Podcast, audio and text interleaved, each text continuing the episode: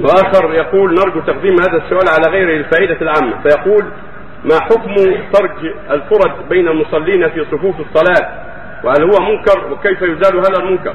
وبعض المصلين هداهم الله يكثرون من الحركات وينظرون إلى الساعة أثناء الصلاة. وهذا لا شك يشغل الذهن عن الصلاة. فما حكم الصلاة يكثر فيها من الحركات وينظر إلى الساعة؟ والبعض قد يترك تصليح غطرته حتى يكبر. فتكبيرة الإحرام وعندئذ يستغل تصليحها نرجو البيان الكافي لجميع المسلمين الحاضرين وشكرا.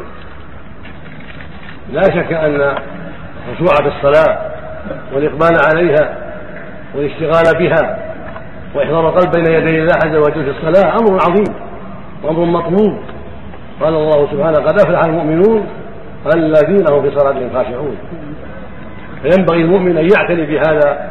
وهكذا المؤمنة كل من المؤمنين رجالا ونساء الواجب أن يعنوا بالصلاة وأن يطمئنوا فيها وأن يحذروا ما يبطلها عليهم والخشوع من أهم ما شرع الله فيها والذي والذي لا يطمئن في صلاته بل ينقضها تبطل صلاته فينبغي المؤمن أن يلاحظ ذلك وإذا كان هناك فرج في الصف تقاربوا وسدوا الفرج النبي أمر بسد الخلل والتراص فالواجب على المؤمنين في الصفوف ان يتراصوا ويسدوا الخلل كما أمر النبي بذلك عليه الصلاة والسلام.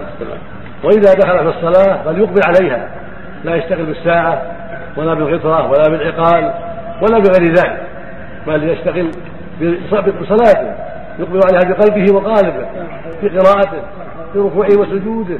يشتغل بالصلاة فإن فيها شغلا فإنها عمود الإسلام.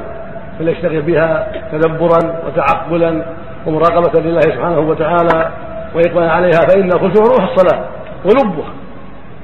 فدع عنك ما يتعلق بساعة أو قطة أو عمامة أو غير ذلك. لكن الحركة القليل لا تضر. الحركة القليل لا تضر. وإنما يضر كثرتها وتتابعها. فإذا كانت تكاثرت الحركة وتتابعت أبطلت الصلاة ولا حول ولا قوة إلا بالله. إذا كثر العبث وتتابع العبث فإنه يبطل الصلاة. فيجب الحذر. أما الشيء القليل فيعفى عنه. لكن لكن الشيء القليل قد يجر إلى الكثير. القليل قد يجر الكثير فينبغي ترك القليل حتى لا يجر إلى الكثير وأن يقبل على صلاته ويعتني بها غاية الاعتناء حتى يخرج منها وقد أداها كما شرع الله سبحانه وتعالى. وفق الله صلى الله وسلم جزاكم الله خير